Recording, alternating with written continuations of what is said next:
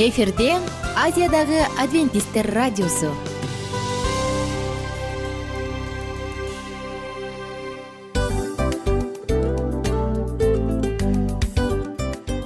Достор салют. Баардык сүйүктүү угармандарыбызга салам айтабыз. Кутман күнүңүздөр менен. Ден соолук өмүрдүн булагы демекчи саламат саамы программасында баарыңыздарды көргөнүбүзгө абдан кубанычтабыз. Анда алгач амандашып өтөлү арбаңыздар деп. Ден соолугуңуздар кандай элибизде көбүнчө ден соолук кандай дегенде эле жакшы деп жооп беребиз э? ооруп турсак дагы жакшы дейбиз. Анан мен муну айтып ойлойт элем бул абдан сонун сөз депчи анткени бул жакшы деген үмүт да э ооба баары жакшы болот. Баары сонун. Деп үмүттөнүп атып эле өзүбүздү өзүбүз дарылап коебуз. Анысы кандай сиздин дагы ден соолугуңуз жакшы беш деген үмүттөбүз чындыгында ден соолук бул өмүрдүн булагы деп бекеринен айтылган эмес деп ойлойм. Кыргыз элинде анткени эгерде ден соолук жок болсо анда адамдын жашоосунда калган баардык керектүү маңыздуу нерселер өзүнүн баалуулугун жоготуп коет. Ошондуктан ден соолук бул эң керектүү нерсе. Ооба туура айтасың кесиптешим. Чынында ден соолугуң жок бир эки үч күн ооруп калсаң эле э кандай болуп калат? Жашоодо көз каранды болуп каласың көп нерсеге жетишпей каласың көп нерсени кыла албай каласың жада калса эшикке дүкөнгө да чыга албай каласың. Туптуура анан ден соолук болсо демек биз биздин бактыбыз тотой деп койсок болот. Анда достор саламат саамы рубрикабызды баштайлы. Алдыда өзүңүзгө керектүү болгон сонун кеңештерди уга аласыздар. Мына ошондуктан биз менен бирге болуңуздар. Ал эми биз болсо милан жана айнура. Кеттик алга. Алга саламат саама ден соолуктун жарчысы. Саламат саама ден соолуктун ачкычы. Күн сайын сиз үчүн мыкты кеңештер сонун жаңылыктар кызыктуу фактылар биздин рубрикада.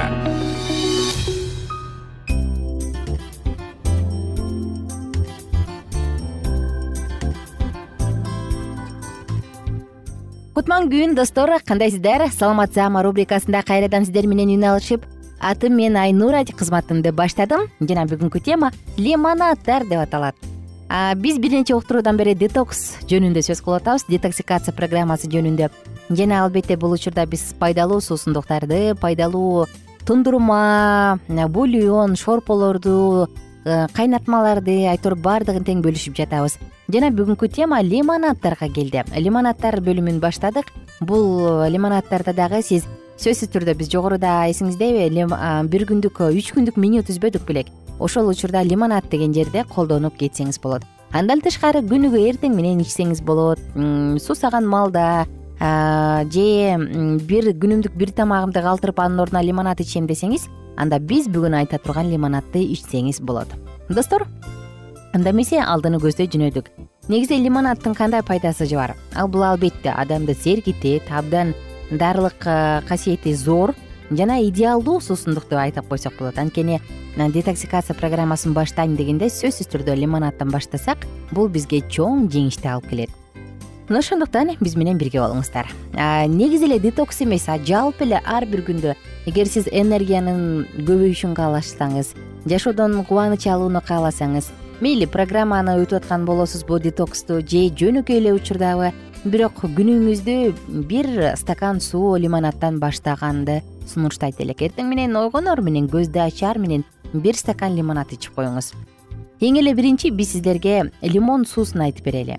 Лимон суусу бул жаңы эле сыгылган лимондун ширесинен жана суудан жасалат. Кааласаңыз ага калорий төмөн болгон стевия сыяктуу таттуу кылуучу бир каражат кошуп койсоңуз болот же ага тростниктин сахарынын сиропун кошуп коюңуз клендун сиропун кошуп койсоңуз болот. Ар бир күнүңүздү эң эле алгач эгерде ошол лимон ширесинин суусун ичейин десеңиз анда алгач азыраак лимон кошуңуз. Мүмкүн бир стакан сууга жарымын же жарымынан азыраагын кошорсуз анан ар бир күн сайын бир аздан көбөйтүп көбөйтүп отуруп чоң деңгээлге жеткиресиз. Бүтүн лимондон жасалган лимонад кийинки биз бөлүшө турган лимонаддын рецеби бүтүн лимонад бүтүн лимондон жасалган. Бүтүн дегенде эмне? Демек анын бул лимондун смузиси деп койсок болот. Тагыраак айтканда анда биз лимондун баардык пайдалуу жагын кошобуз. Ичиндеги жумшагын сыртын уругун ичиндеги мунун баарын кошобуз. Ингредиент эмне керек? Лимон бир бүтүн лимондон жасалган лимонад үчүн бизге бир лимон төрт жүз миллилитр суу жана стевиядан он тамчы. Кааласаңыз каалабасаңыз кошпой деле койсоңуз болот. Же болбосо аны бир аш кашык миласа менен алмаштырсаңыз болот. Кара чакмакташылбаган шекер менен же клен сиропу же бал менен аралаштырып койсоңуз болот. Эми жасайбыз. Лимонду кесип аласыз. Андан соң анын эң сырткы катмарын акырын алып салыңыз. Анткени даамы ачуу болуп калат. Андан соң ага таттуу кылуучу каражатты кошуңуз дагы бирдей бирдей суюктук болгончокто блендерге чалып алыңыз. Болду? Сонун лимонад даяр. Касиети пайдалуу баардык эле лимонаддардын пайдалуу экенин билебиз бирок лимондон жасалган мындай сонун суунун пайдалуулугу абдан зор. Анткени анын курамындагы пайдалуу концентранттардын баардыгы тең компоненттердин баардыгы тең. Адамдын салмагын төмөндөтөт. Тагыраак айтканда лимондогу липотикалык же майды күйгүзүүчү жок кылуучу касиети бар. Боорду коргойт жана рак оорусунун пайда болуусун профилактикада мыкты каражат. Сүт бездеринин ракы простатанын ракы жоон ичеги жана башка баардык рак ооруларын алдын алат. Кийинки биз бөлүшө турган лимонад сезгенүүгө каршы деп аталган лимонад. Ал үчүн сизге болгону гана бир чашка жаңы сыгылган лимондун ширеси үч чашка суу бир чай кашык куркума бир чай кашык корица бир чай кашык неме суюк стевия керек. Баардыгын блендерге саласыз дагы колуңуз менен аралаштырасыз. Эми сергитүүчү лимонад. Сергитүүчү лимонад үчүн сизге эки үч лимон эки лайм төрттөн алты кашыкка чейин меласа керек бир литр суу музу менен. Баары лимонду лаймдын баардыгын тең сыгып алыңыз дагы суу менен аралаштырыңыз анан ага меласаны кошуңуз же тростник сахарын кошуп коюңуз. Болду четине жакшынакай кылып лайм же лимонду коюп коюп туруп иче берсеңиз болот. Баардык лимонаддарды э, трубка менен ичкенди сунуштайбыз биз. Ичке трубочкалар болот эмеспи? Анткени мындай учурда лимон тиштин эмали менен түзмө түз контактта болбойт. Лимонаддын пайдалуу жактары. Булар организмди бир чашка эртең менен кофе ичкенге караганда организмге көбүрөөк энергия берет ооз көңдөйүн тамактын баардыгын дезинфекция кылат. Былжырды төмөндөтөт иммундук системаны коргойт көбөйтөт бекемдейт. Токсиндерди чыгарат канды тазалайт. Артрит сөөк булчуң ооруларында жардам берет. Жана ошону менен бирге бөйрөктө таштын пайда болуусун алдын алат. Кофеге салыштырмалуу мындай лимонад бизге тескерисинче кофе кофе эгерде минералдарды зара менен кубалап чыгып сала турган болсо мындай лимонад тескерисинче калий магнийди берет организмге. Жана албетте достор колдон келишинче күнүгө эртең менен дал ушундай сок менен күнүңүздү баштай турган болсоңуз анда сиз бир чашка кофеден дагы ашык бир нече көп сонун эффектке ээ болосуз. Баардык лимонаддарды соломинка менен трубочка менен ичкенди унутпаңыз жана биз айтып берген сонун суусундуктун колдонуп ичип көрүп татып көрүп ден соолугуңузга кам көрүңүз. Өзгөчө сизде ашыкча салмактуулук көйгөйү бар болсо боордо көйгөй бар болсо анда бул рецепт сиз үчүн. Дагы бир жолу кайталайын. Лимондон жасалган лимонаддын түрлөрүндө түрлөрүнүн рак ооруларын профилактикалоочу каражаты касиети зор. Мейли ал сүт бездериби простатабы жоон ичегиби же башка түрүбү баардыгын алдын алганга жардам берет. Оорубаңыздар бар болуңуздар. Ушул сыяктуу сонун биздин программаларыбызды кеңештерибизди саламат клуб сайтынан уга аласыз. Баардыгыңыздар менен убактылуу гана коштошобуз жана кийинки уктуруудан амандашканча бар болуңуздар күнүңүздөр көңүлдүү маанайда улана берсин. Оорубаңыздар достор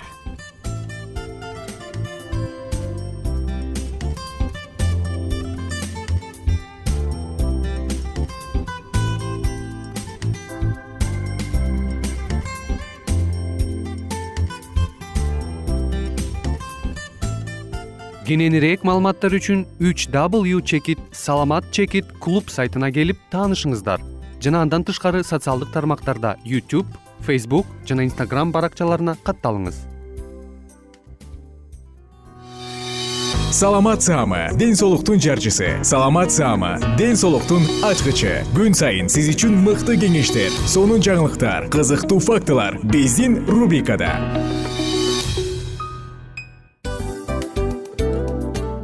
салам достор. Кайрадан биздин сүйүктүү рубрикабызга кош келиңиздер деп айтмакчыбыз. Баардык замандаштарыбызга арбаңыздар деп саламыбызды айтабыз. Улуу ушундай бир урматтаган учурашуу менен анан дил маек радио баракчабызга чакырабыз. Негизи дил маек биздин рубрикабызда эмне жөнүндө кеп кылабыз бул дил маектин мааниси эмнеде рубрикабыз менен кичине тааныштырып кетсеңиз. Сөзсүз түрдө тааныштыра кетейин. Кесиптешим суранычы боюнча бул учурда бул радио баракчада биз ар тарап кесип ээлеринен сонун кеңештерди алабыз сүйлөшөбүз сырдашабыз. Аталарыбыздын эжелерибиздин апаларыбыздын кеңештерин угабыз айтор. Жан дүйнөгө адамдын э, сапатына адамдын деги эле адам болуп жашашына керектүү баардык кеңештер алдыда. Негизи э, дил маек дегенде баягы эки адамдын ортосундагы сырдашуу кенен сүйлөшүү. Негизи эле биз адамдар бири бирибиз менен бир жерге жай жерге отуруп алып өзүнчө тынч жашоо жөнүндө өмүрүбүздө эмне болуп атканын бөлүшкөнү жакшы көрөбүз э адамдар. Ооба туура айтасың анан мындай учурга кээде убакыт да жетпей келет э? Же болбосо сырыңды кайгыңды муңуңду кубанычыңды айткың келет а адамга ишенбешиң мүмкүн. Ооба. А бул радио баракча угармандарыбыздын чыныгы досу анткени бизден алган кеңеш сиздин жашооңузга чоң жардам берет. Ал эми сиздин бизге айта турган сөзүңүз ортодо гана сыр бойдон калат. Ошондуктан биздин дил маек рубрикабызга дагы бир жолу кош келиңиздер. Жана биз даярдаган маалыматтарга даяр болуңуздар.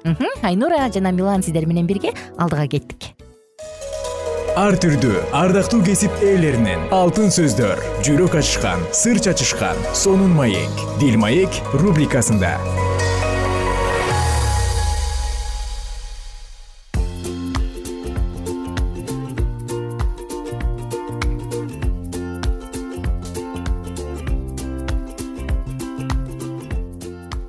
Салют достор. Салют угармандар. Салют. Биздин сүйүктүү замандаштарыбыз жалпыңыздар менен кайрадан ушул жыштыктан үн алышып дагы бир сонун убакытты бирге өткөрүү мүмкүнчүлүгү бар экенине жаратканга шүгүрчүлүк келтиребиз. Мына достор эң сонун аба ырайы сонун убакыттын эң эле кымбат мүнөттөрүндөбүз адамдын жашоосу баягы он пайыз болуп жаткан окуялар болсо калган токсон пайызы биздин ошол окуяларга жараша реакция кылганыбыздан турат деп коет эмеспизби. Анысы кандай мына бул он мүнөттүн он пайыздын негизги бир бөлүгүн ээлеген ушул маалыматтар айтылчу учурга келдик. Баардыгыңыздарды ушул жака чакырабыз жана биз менен бирге болуңуздар. Бүгүн достор дил маек уктуруусунда махабат күнөө болушу мүмкүнбү деген циклды андан ары улантабыз. Мурунку уктурууда биз дагы бир теманы баштаганбыз. Бул менин үйлөнүүм кудайдын эркиби деген э? Мына ушул тууралуу сөз кылабыз. Мурунку уктурууда эсиңизде болсо эгерде кудайга толугу менен арнала алса анда бул анын чечими деп айтылганын укканбыз андан тышкары эгер адам өзүн кармай албаса ар бир аялдын күйөөсү ар бир эркектин аялы болушу керек дегенбиз. Анда достор темабызды уланталы. Албетте достор азыркы заманда теңир үчүн үй бүлө курбай жашоо оңой эмес э. Анын үстүнө теңирдин ишинде үй бүлөлөр аткарса жакшыраак болгон милдеттер дагы бар. Ошондой болсо дагы жыйындын тарыхында теңирге эч нерсеге алаксыбай кызмат кылуу мүмкүнчүлүгүнө ээ болуш үчүн үй бүлө куруудан өз ыктыяры менен баш тарткан эркектер менен аялдар өтө көп. Аларды атай кетсек уильям макдональд самуэль хабих сириан киргард джон нельсон дарби. Бул тизмени андан ары дагы улантса болот. Алар өздөрү үчүн кудайдын жолу ушундай экендигин көргөндүктөн ушуга барышкан биздин көз карашыбыз боюнча алып караганда мисалы дарби өз жашоосунда аткарган ишти бир үй бүлөнүн атасы катары аткара алмак эмес. Кандай жол менен болбосун турмушка чыгууга умтулган карындаштарыбызды көргөндө көңүлүм чөгө түшөт. Ушул максатка жетиш үчүн алардын айрымдары журналдарга кулак тандыруу берүүдөн да коркушпайт. Алардын аракети көпчүлүк учурда ийгиликке жетет. Алар каалаган нерсесине жетишет. Бирок көпчүлүгү өздөрүнүн жалгыздыгын жердеги тозокко алмаштырып алышат. Дагы бир таң калыштуу нерсе. Турмушка чыккан көптөгөн эже карындаштар турмушка чыкпагандарга көз артып. Турмушка чыкпаганда теңир үчүн көбүрөөк кызмат кылмакмын библияны изилдеп окумакмын китептерди окумакмын оорулууларга бармакмын азыр болсо бүт күчүмдү жердеги түйшүктөргө милдеттерге кетирүүгө туура келип калды деп муңканышат. Турмушка чыкпаган эже карындаштар болсо тескерисинче өздөрүн жакшы нерседен куру калган экинчи сорттогу адамдардай көрүп бүт күчүн теңирге арноонун ордуна турмушка чыккандарга көз артууга өздөрүн өздөрү аябоого жумшашат. Теңирге кызмат кылуунун ар кандай чөйрөсүндө канчалаган миссионердик милдеттер канчалаган мүмкүнчүлүктөр бар. Ушундай эреже карындаштар өздөрүнүн турмушка чыкпай калгандыгын жаза катары эмес. Жеңир үчүн жакшыраак кызмат кылууга чакырык катары кабыл алуусуна кудай жардам берсе экен? Цинцендорфтун кызматчысы бир көздүү анна елена абдан баталуу аял болгон. Цинцендорф ал жөнүндө айтып жатканда ал айтса адам ишене алгыс көп сандаган аялдарды теңирге алып келген. Кимдир бирөө үйгө киргенде аны куткарылган адам деп эсептеп коюшчу деп баа берген. Кудайдын сөзүн аткарып жашаган бул карапайым аял жандарды куткарууга бүт күчүн арнаган сергек адам болгон. Анткени ал өзүнүн эмнеге чакырылгандыгы жөнүндө талашып тартышпастан кудайдын жолу менен кеткен. Эгерде ева фон тиле винклер турмушка чыкса же гезиттердеги издейм сени деген рубрикага кулактандыруу жарыяласа эмне болор эле? Он сегизинчи кылымда англияда болгон рухий ойгонуу кыймылын ушул өңүттөн изилдөө мен үчүн өтө кызык болду. Ошол учурда кудай өзүнүн ичине адегенде үч эркекти кереметтүү жол менен пайдаланыптыр. Алар джордж уайлдфилд джон весли жана анын бир тууганы чарльз весли болгон чарльз эмоционалдуу. Музыкага шыгып насаатчы болсо өзүнүн эч кимге тең келгис энеси сюзаннадан курч акылды мурастап алган. Джон көбүнчө логикага ылайык ой жүгүртүп насаат айткан. Уайлдфилдте болсо жогорудагы ага энеге таандык сапаттар керемет айкалышкан. Анан калса ал өзгөчө жөндөмдүү оратор болгон. Анын угуучуларды таң калтырган күчтүү насааттарын угуш үчүн асман ачык асман астында жүз миңге жакын киши чогулчу экен. Элестетиңиз жүз миң деген. Эмне деген сан? Ойгонуу кульминацияга жеткенде чарльз сүйкүмдүү музыкага өтө ышыктуу салли гвинге үйлөнгөн ошондон кийин жакшы кабар үчүн күрөшүү жолунда да дээрлик көрүнбөй калган. Үйлөнгөнгө чейин ал жөнүндө ыйык сүйүү менен музыка менен жалындап эч кандай кыйынчылыктарга кайгы капага коркунучтарга куугунтуктарга көңүл бурбайт деп кылышса үйлөнгөндөн кийин ал үй күчүгүнө мыкты бүлөкорго айланды. Сонун ырларды чыгарганын токтотпогону менен көчөдөгү бурганакка караганда үй бүлөлүк очокту артык көрүп калды деп кеп кылышкан. Джон весли тескерисинче төмөнкүдөй ойдо болгон. Үй бүлө куруудан баш тартууга күчү жеткен аз сандагы бактылуулар үй бүлөлүк миңдеген аты жок сынактардан айрыкча жакшы көргөн нерселеринин ичинен өтө күчтүүсүнөн атап айтканда бир адамды баарынан артык сүйүүдөн өздөрүн куткарышты.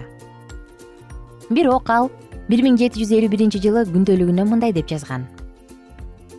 Кудайга жакшыраак кызмат кыла алам деген ой менен көптөгөн жылдар бою үй бүлө күткөн жокмун. Ушундай кылууга күч берген үчүн кудайды даңктайм. Бирок азыр үй бүлөлүү адам катары кудайга мурдагыдан да жакшыраак кызмат кыла алам деп эсептейм ушундай ойго келип досторомдун кеңешин туура көрүп бир нече күн мурун үй бүлө курдум. Кимге үйлөнгөн жана андан аркы жашоосу кандай болгон? Негизи эле турмушка чыгуу үй бүлө куруу кудайдын эркиби деген суроону тегерегинде дагы ушул суроонун алкагында кийинки уктуруубузда дагы сөз кылабыз. Ага чейин мен сиздер менен убактылуу коштошом. Достор күнүңүздөр көңүлдүү улансын бар болуңуздар. Эч нерсе маанайыңыздарды түшүрбөсүн кандай гана учур болбосун эң негизгиси арналуу болсо баардыгын жеңүүгө болот деп ойлойм. Ошондуктан сиз дагы баталуу болуңуз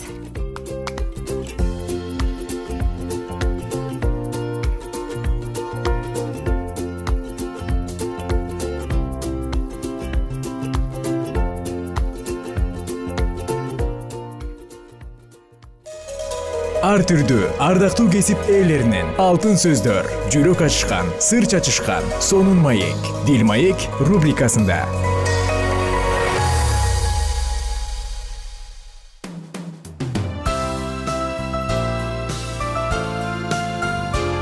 Эфирде азиядагы адвентисттер радиосу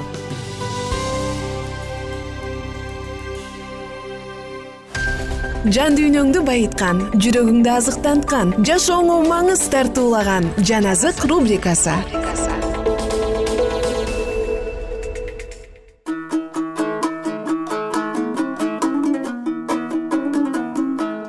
Кутман кушубак күнүңүздөр менен сүйүктүү достор жалпы биздин сүйүктүү угармандарыбызга салам айтабыз. Сиздер менен бирге жан азык рубрикасындабыз. Жан дүйнөбүздү азыктандырып рухий жан дүйнөбүздү байытып баарлашабыз жана сонун маалыматтарды бирге тыңдайбыз.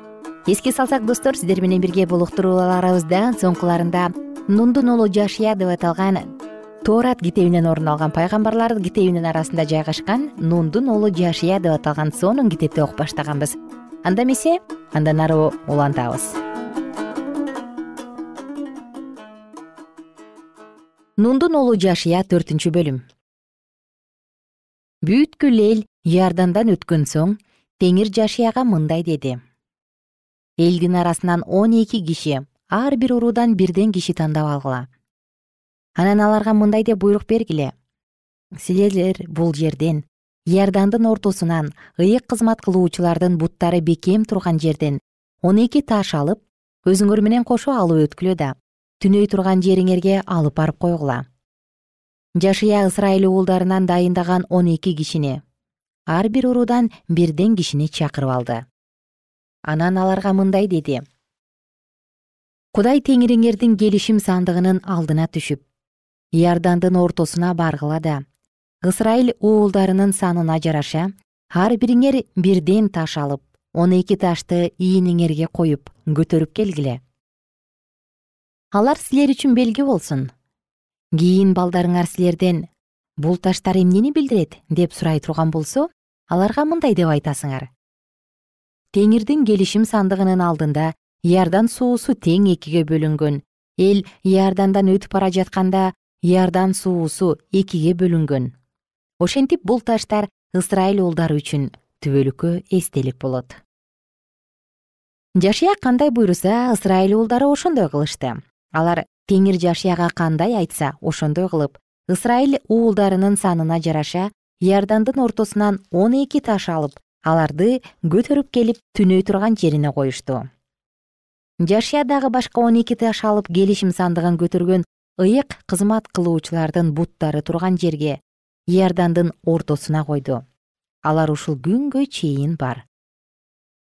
Муса жашияга айткандай теңирдин жашияга элге айт деп буйругандарынын баары аткарылып бүтмөйүнчө сандык көтөргөн ыйык кызмат кылуучулар иордандын ортосуна турушту. Эл болсо ошол учурда шашылыш түрдө өтүп жатты. Бүткүл эл иордандан өтүп бүткөндө гана теңирдин келишим сандыгын көтөргөндөр эл алдында жүргөн ыйык кызмат кылуучулар өтүштү. Анан муса айткандай куралданган рубейин гад уулдары менашенин жарым уруусу ысрайыл уулдарынын алдына өтүштү. Куралданган кырк миңге жакын киши салгылашуу үчүн теңирдин алдында жерихого түздүгүнө өттү. Ошол күнү теңир бүт ысрайыл элинин алдында жашияны даңазалады ошондон тартып ысрайыл эли мусадан анын өмүрү өткөнчө корккондой жашиядан да коркуп калды. Анан теңир жашияга мындай деп айтты келишим сандыгын көтөргөн ыйык кызмат кылуучуларга иордандан чыккыла деп буйрук бер жашия ыйык кызмат кылуучуларга иордандан чыккыла деп буйрук берди. Ошондо теңирдин келишим сандыгын көтөргөн ыйык кызмат кылуучулар иордандан чыгып тамандары жерге тиери менен иордан суусу өз нугуна түшүп жээктеринен ашып ташып мурункудай ага баштады биринчи айдын онунчу күнү эл иордандан чыгып жерихонун чыгыш тарабындагы гилгалга чатырларын тикти. Алар иордандан алган он эки ташты жашия гилгалга койду. Анан ысрайыл уулдарына мындай деди. Кийин балдарыңар аталарынан бул таштар эмнени билдирет? деп сурап калышса балдарыңарга ысрайыл эли ушул иордан дарыясынан кургак жер менен өткөн деп айткыла. Биз өтүп өткөнчө кудай теңириңер кызыл деңиздин ортосун биздин көз алдыбызда кургаткандай эле силер өтүп бүткөнчө кудай теңириңер силер үчүн иордан суусунун ортосун кургаткан. Жер жүзүндөгү бардык эл теңирдин колу күчтүү экенин билиш үчүн жана силер өмүрүңөр өткөнчө теңирден коркушуңар үчүн ошенткен. Нундун уулу жашия бешинчи бөлүм. Иордандын ары жагында деңиз тарапта жашаган аморлуктардын падышалары жана деңиз жээгиндеги канаан падышалары ысрайыл уулдарынын алдында алар өтүп кеткенче теңир иордан суусун агызбай тартып турганын угушканда жүрөктөрү түшүп ысрайыл уулдарына каршы турууга кайраттары калбай калды. Ошол учурда теңир жашияга мындай деди. Таш бычактарды жасап ысрайыл уулдарын экинчи мертебе сүннөткө отургуз жашия таш бычактарды жасап сүннөт дөбөсү деген жерде ысрайыл уулдарын сүннөткө отургузду ысрайыл уулдарынын жашия сүннөткө отургузганынын себеби бул. Мисирден чыккандан кийин согушка жарактуу эркектер чөлдө келе жатканда кырылып калышкан. Мисирден чыккан эл сүннөткө отургузулган бирок мисирден келе жатканда чөлдө төрөлгөндөр сүннөткө отургузулган эмес. Анткени мисирден чыккандардын согушка жарактуулары теңирдин үнүн укпай койгондору кырылып бүткөнчө ысрайыл уулдары кырк жыл чөлдө жүрүштү. Теңир алардын ата бабаларына бизге берем деп ант берген сүт менен бал аккан жерди көрбөйсүңөр деп ант берген. Алардын ордун балдары басты. Жашия аларды сүннөткө отургузду. Анткени алар сүннөткө отургуза элек болчу. Жолдо аларды сүннөткө отургузушкан эмес. Элдин баары сүннөткө отургузулгандан кийин айыккыча өз станында өз ордунда калды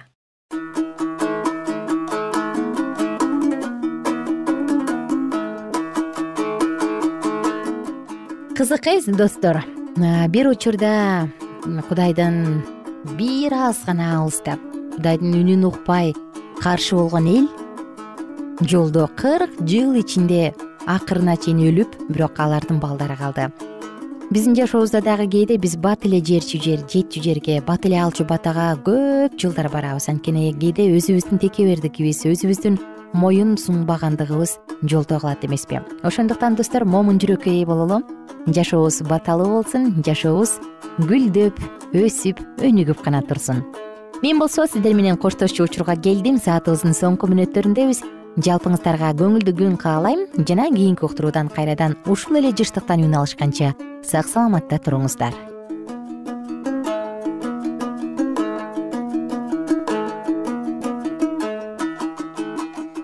эгер сиздерде суроолор болсо же көбүрөөк маалымат билем десеңиз анда биздин whatsapp номерибизге жазыңыз. Плюс бир үч жүз бир жети жүз алтымыш алтымыш жетимиш. Кайрадан плюс бир үч жүз бир жети жүз алтымыш алтымыш жетимиш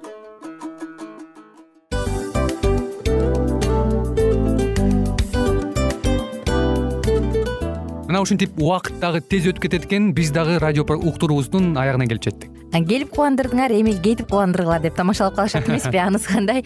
Радио баракчабызды программабызды азыр эле баштап аткандай болдук элек. Мына соңуна келдик э? Негизи убакыт э, билинбей өтүп кетет экен? Мен дагы э, убакыт дегенде бүгүн бир адам менен сүйлөшүп калдым. Анан убакыт бул мүмкүнчүлүк деп айтып өзүмө өзүм айтып алып анан мага өзүмө эле кайра ачылыш болду да чын эле э Э, карап отурсаң ошол эле жыйырма төрт саат ошол эле жарым саат кайталанып атат. Бирок сендеги мүмкүнчүлүк жок ошол кой берилип кетти? Анысы кандай? Бүгүнкү сонун убактыңызды алтындай болгон жарым саатыңызды бизге бөлүп арнаганыңыз үчүн ыраазычылык айтабыз. Анан жашооңуздун кайсы бир сферасын өзгөртө турган сонун пайдалуу кеңеш алган болсоңуз анда биз максатыбызга жеттик. Анан ушул нерсени кылбасам десеңиз ошол өзгөрүүлөрдү кичинекей кадамдардан баштап иш жүзүнө ашырыңыз дагы жашооңузда чоң чоң ийгиликтерге жетиңиздер чын жүрөктөн ар бир берилген кеңештер сөздөр сиздерге пайдасын алып келет деп ишенебиз. Жана кийинки уктурууларда сөзсүз түрдө чыдамсыздык менен сиздерди күтөбүз. Сагынычтуу салам айтып кайрадан дал ушул жыштыктан баардыгыңыздарды тосуп алганча кызматта мен айнура жана кесиптешим милан. Анда кол пулга алайбыз жалпыңыздарга ийгиликтүү күн. Саламатта калыңыздар